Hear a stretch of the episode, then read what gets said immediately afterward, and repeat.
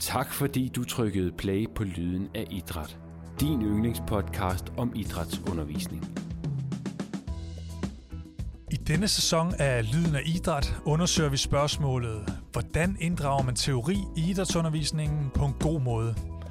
I den konkrete episode har vi sat Thomas Piaster i stævne for at give nogle kvalificerede bud på, hvorfor overhovedet inddrage teori i idrætsundervisningen, hvad er teori egentlig, og hvordan kan man så rent faktisk gøre det i praksis? Thomas er til daglig ansat på Institut for Læreruddannelse på Københavns Professionshøjskole, hvor han underviser lærerstuderende i idræt. Men lad os lige først afsløre nogle af pointerne fra interviewet. Teori er vigtigt, hvis idrætsfaget skal være et dannelsesfag. Teori skal ikke foregå i et særskilt lokale væk fra hallen eller boldbanen, og faktisk er det bedre at arbejde med fagbegreber end med teori. Og de her fagbegreber, de skal synliggøres og mærkes i praksis, så du så at sige sætter ord på bevægelse, men også sætter bevægelse på ordene. Og så har Thomas en fin pointe om, at nogle gange, der skal du bare klappe kaje. Alt det og meget mere får du uddybet i denne episode. Rigtig god fornøjelse.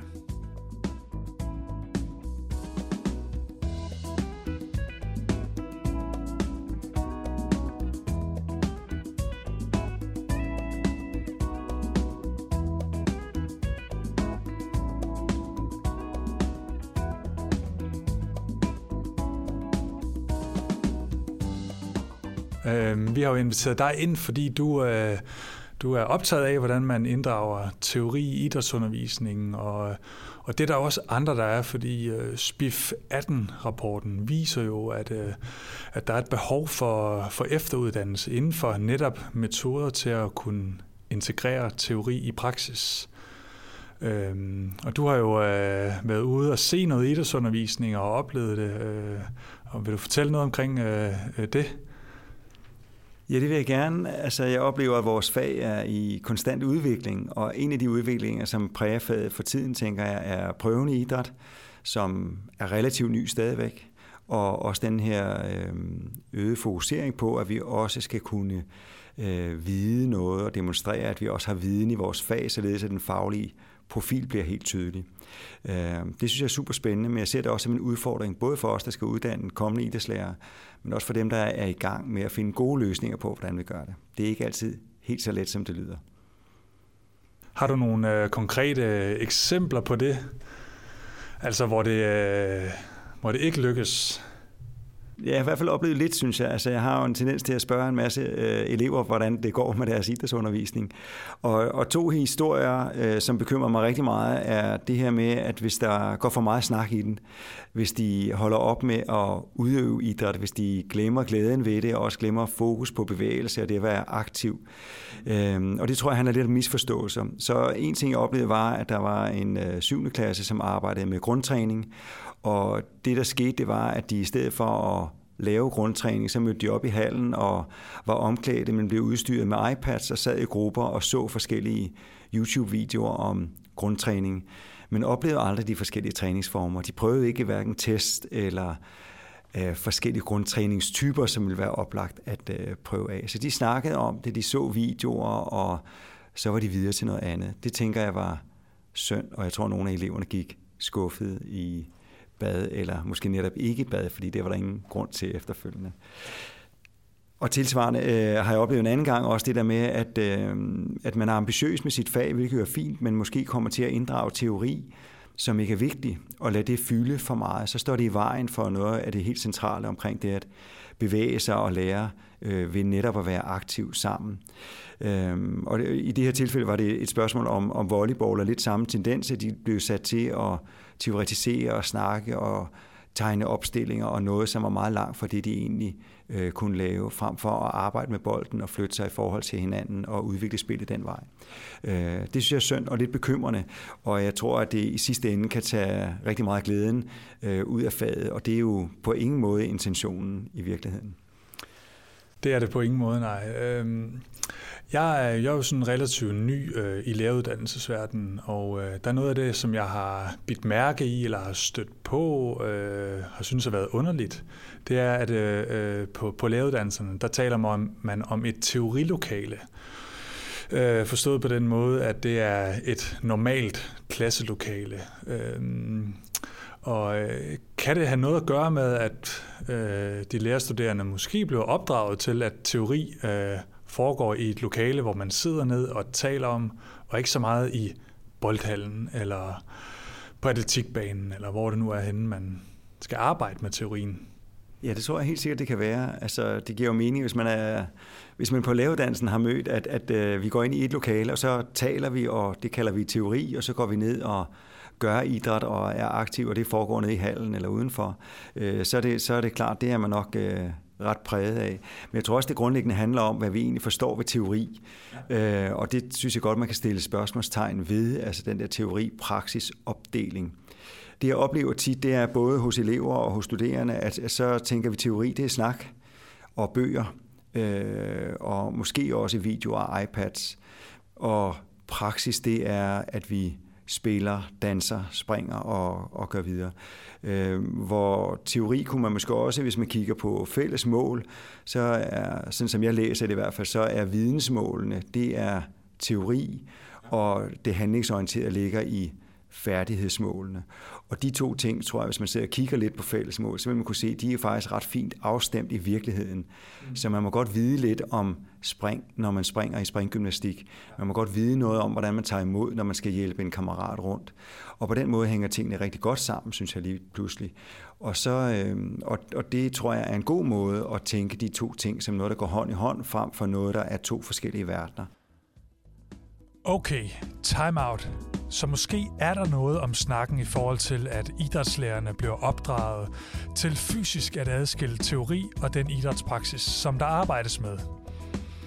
Desuden mener Thomas også, at vi skal passe på med at lave den her skarpe opdeling mellem teori og praksis, men i stedet for at se det som noget, der går hånd i hånd. Og her mener han, at fællesmål kan hjælpe. For der er færdighedsmålene, som eleverne skal kunne. Og så er der vidensmålene, som jo egentlig er teorien, og hvis man ser nøje efter, er de faktisk ret fint afstemt. Nu har vi indtil videre kaldt det for teori, men Thomas har en pointe om, at vi skal kalde det for fagsprog, fordi teori kan virke abstrakt, hvorimod fagsprog og fagbegreber er mere konkrete og håndterbare for både lærer og elever. Hør med her, hvorfor. Så til det der med teori og fagsprog, tænker jeg, at teori er sådan meget udefinerbart, og det tror jeg, der er mange, der misforstår. Og det negative ved teori er, at mine studerende de bliver lidt trætte.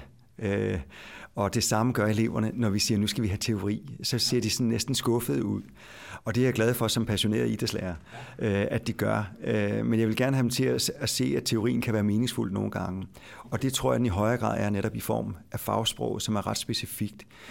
Så når jeg, når jeg synes, man kan tale om fagsprog, så er det blandt andet, fordi så kan vi gå ind og hente de der specifikke begreber og sige, øh, hvad er det, du gør omkring afsættet i det her?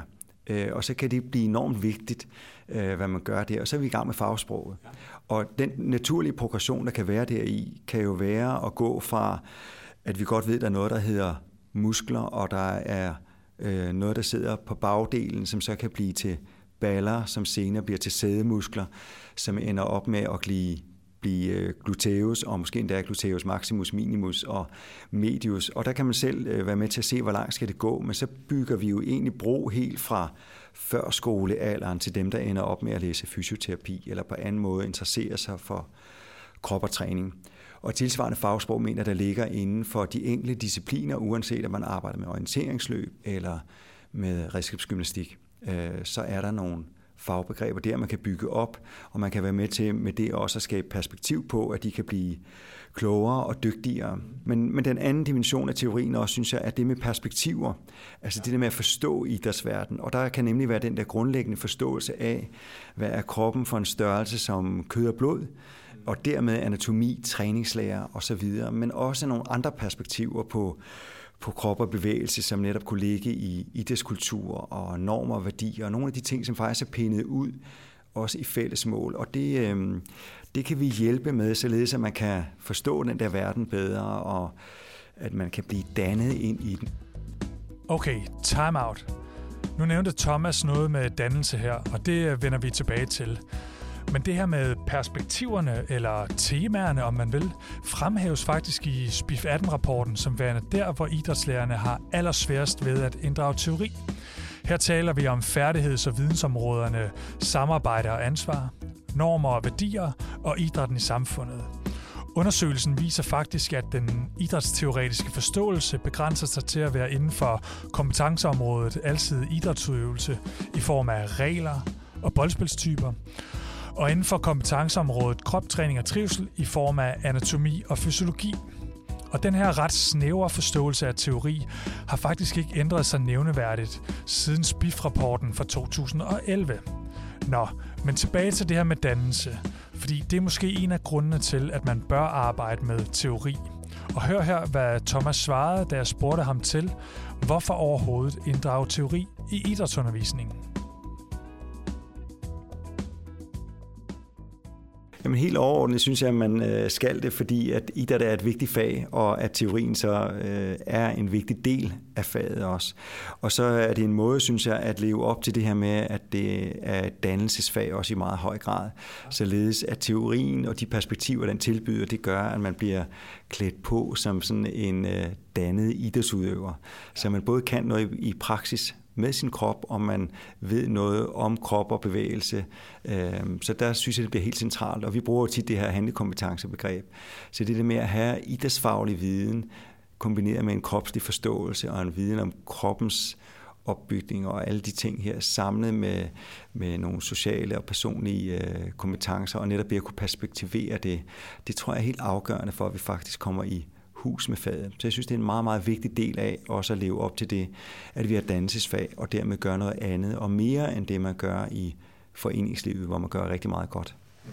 Så har du nogle gode øh, pointer i forhold til, hvordan, hvordan kommer man i gang med at arbejde med fagbegreberne på en god måde? Jeg ved ikke, om de er gode, det vil alle andre om at dømme, øh, kan man sige. Men jeg har i hvert fald nogle anbefalinger i forhold til, hvordan vi håndterer det. Fordi det faktisk er lidt bøvlet nogle gange i, øh, i starten. Så, så punkt et, jeg synes, vi kan arbejde sammen om det. Øh, hjælpe hinanden til at finde netop de gode fagbegreber, og så finde nogle gode måder at bringe dem i spil på. Langt hen ad vejen er det jo heldigvis naturligt.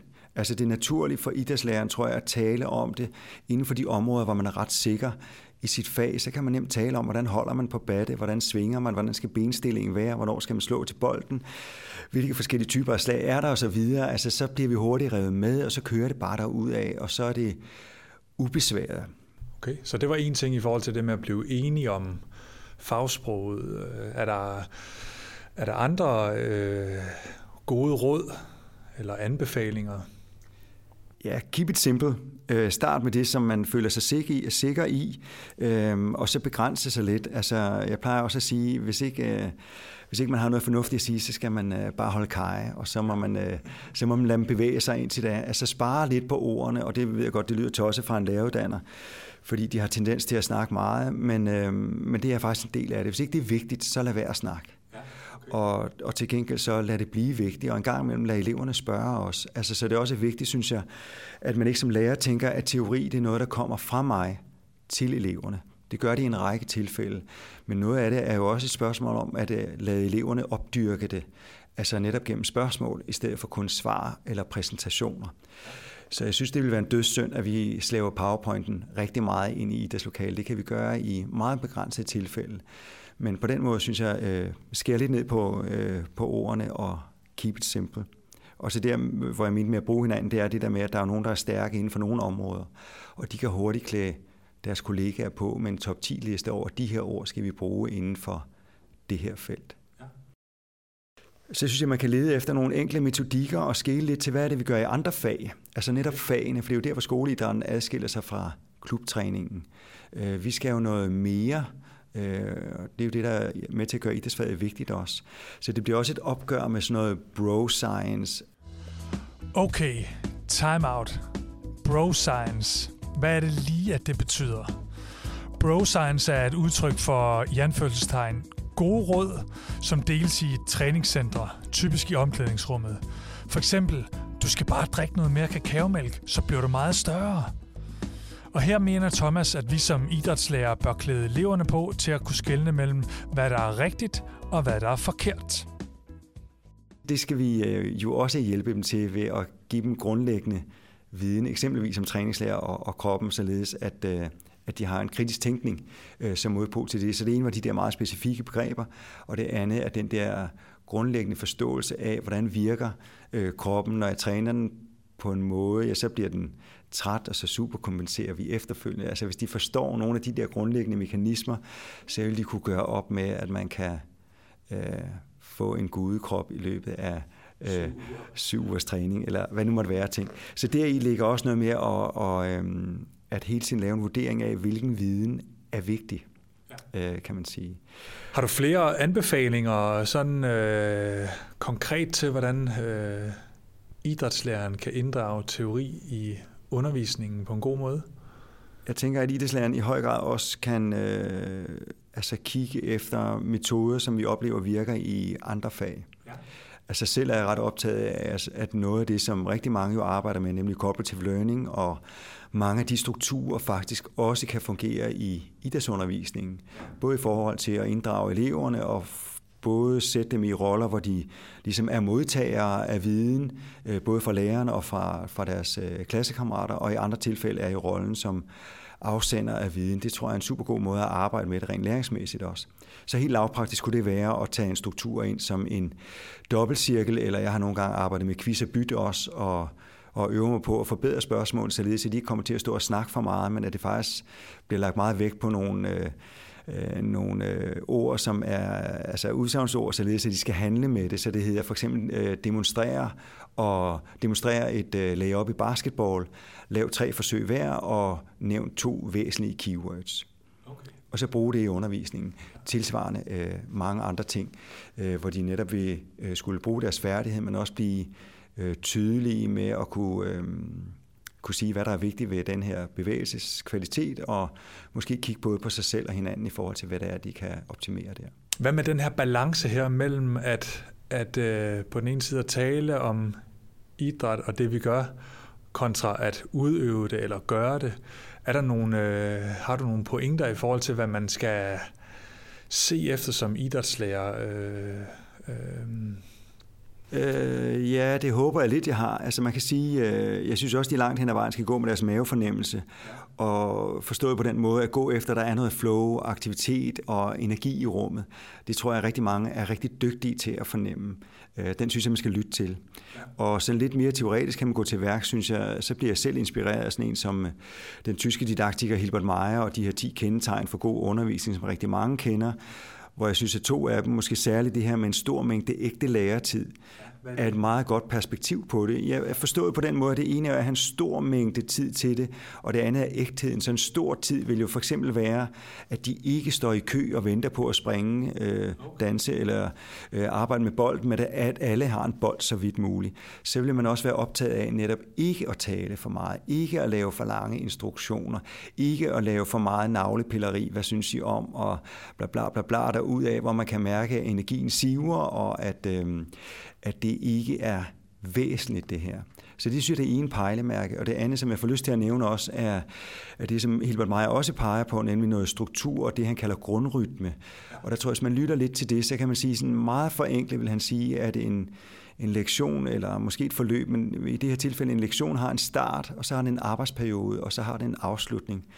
Og det er jo logik for burhøns, men der, hvor det er oplagt lige at teoretisere og perspektivere, kunne være ved en start, og så kan det være ved afslutningen, altså som han også kalder øh, resultatsikring eller øh, tjekker forståelse. Ja. Altså den der opsamling, hvor man netop, øh, synes jeg, kan samle eleverne og sige, øh, prøv at høre, jeg synes, jeg arbejder super godt i dag. Er der nogen, der lige kan sætte et par ord på, øh, hvad der er gået rigtig godt, og hvis der var noget, der var svært? Og i det øjeblik, så understøtter de der processer i, i, i den der grundrytme, vi måske lige skrive et par, par ting på tavlen og sige, at vi har faktisk arbejdet i basketball, og vi har arbejdet med noget taktik, vi har arbejdet rigtig meget videre med noget teknik fra sidste gang, og vi har også noget andet herover den der øh, ekstra kategori, øh, ud over teknik og taktik, som kunne være noget om, hvordan er det, vi arbejder sammen som hold, eller hvad er der med regler og alt den slags. Øh, så, så bliver det tydeligt, at vi er i gang med at lære noget, øh, og vi skal arbejde lidt med de der afslutninger, fordi vi er stadigvæk lidt usikre på læge oppe, men vi er blevet bedre til, øh, hvad nu måtte være af konkrete ting. Så den der grundrytme, tror jeg, øh, er et oplagt sted at tale og teoretisere, og så koncentrere sig om, at selve arbejdsperioden, at der er vi meget aktive med så højt begavet, øh, inspirerende, energifyldt øh, aktivitetsniveau som overhovedet muligt. Med den mulighed for, at man har nogle korte time-outs, hvor man jo kan tale, man kan stille spørgsmål, man kan give gode råd. Og det er jo der, hvor det bliver mega spændende at arbejde som idrætslærer, fordi man nogle gange kan stå på sidelinjen og være ved at eksplodere af ting, man gerne vil give af gode råd. Og øhm, det er også der, vi kan lave varieret undervisning ved en gang imellem at tale med klassen øh, som helhed. Andre gange lade eleverne tale indbyrdes, hive en til side og Altså noget, som jeg har oplevet lige for nylig, synes jeg også det der, hvis man underviser i sådan noget som bordtennis, så er der forskel på at give generelle kommentarer og gå ud og arbejde i en time, komme tilbage, samle op, og så er man færdig. Eller give generelle kommentarer, og så undervejs kunne bevæge sig rundt og sige, det der ser rigtig godt ud. Det ser ud, som om du slår endnu bedre, når du starter slaget længere nede, og kunne give den der feedback, mens de er i gang, faktisk mens de bliver ved at stå og slå til 50 bolde, øh, så man får sin teori og feedback in action, øh, så at sige. Det tror jeg har en kolossal værdi. Jamen, det er interessant det med arbejdsperioden der. Øh, noget af det, som jeg har erfaring med at kigge efter også, det er så primært i boldspil. Det har været, altså hvornår daler intensiteten i spillet. Altså at eleverne bliver begrænset på, øh, på, på deres fysik simpelthen, og så sige, okay, nu er der behov for en pause, og den bruger vi øh, til at tale om det, der foregår på i, i spillet. Øh, I grundspillet, hvis det er nu det, man fokuserer på. Så ja, interessant. Har du flere jo, øh, altså den ene vigtige ting, jeg synes, man kan øh, tænke rigtig meget over, det er, hvad der understøtter teorien, og måske netop gør det lettere ikke at tale så meget. Og det tror jeg på, at modeller og figurer, billeder, taktikbræt, øh, duene for dansk skoleidræt og nogle af de ting, som ligger i portaler osv., det kan vi bringe i spil. Og der er nok stor tilhænger af, at vi igen gør det enkelt, men får det synliggjort, nede i hallen og få lavet nogle laminerede kort og alt den slags, som kan være med til at understøtte det. Så jeg tror, det er lettere lærerens arbejde, hvis vi har nogle laminerede spørgsmål med quiz og byt. Nogle fede opgaver, der er trygt, som eleverne kan tage med ud til stationer, arbejde med, komme tilbage med stikord og alt den slags. Så på den måde, det vi i hvert fald på lavedansen kalder artefaktniveau, øh, det tror jeg er, er også er en rigtig god håndsrækning og et sted, hvor vi kan hjælpe hinanden. Nu sagde du tidligere det her med, øh, at der ikke må være for meget PowerPoint øh, i hallen, men hvad nu hvis man ikke lige har råd til eller tid til at få lavet de her ting, så kan det vel også være en mulighed at have en model øh, på en PowerPoint, som eleverne kan gå hen og pege på og, og tale om, og sådan, så den bliver synlig. Ja, jeg synes, man skal være rigtig klar i spytte i forhold til, hvorfor er det en særlig god idé at tage PowerPoint med nu. Ja. Men helt bestemt, det kan det være. Der findes jo skønne animationer. Øh, der findes rigtig mange forskellige ting, der kan gøre det. Jeg ja, sådan set også til, vi får lavet, har vi brugt en lille smule øh, nogle fede billeder af, hvis vi arbejder med øh, det her Ultimate øh, Frisbee-spillet.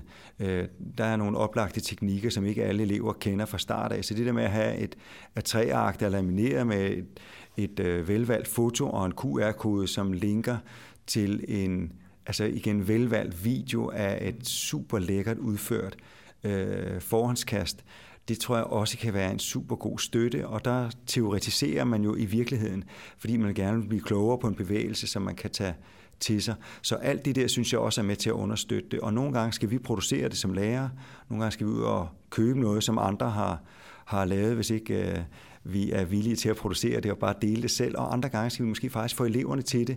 Øh, jeg tror, at man kunne få eleverne til to og to at komme med de der videoer, øh, og så udvælger vi i fællesskab den bedste, for den trygt og hænge den op, og så kan kan overgangen efter se, hvad de har lavet, og så gør vi det inden for andre discipliner. Altså, så på den måde tror jeg, vi kan bygge noget af det der lige så stille op. Men jeg synes absolut, at PowerPointen kan have sin berettigelse, men det skal ikke være fundamentet. Okay, time out. Så artefakter kan altså noget, men det er vigtigt at overveje, hvad man inddrager, og i hvilket omfang man inddrager det.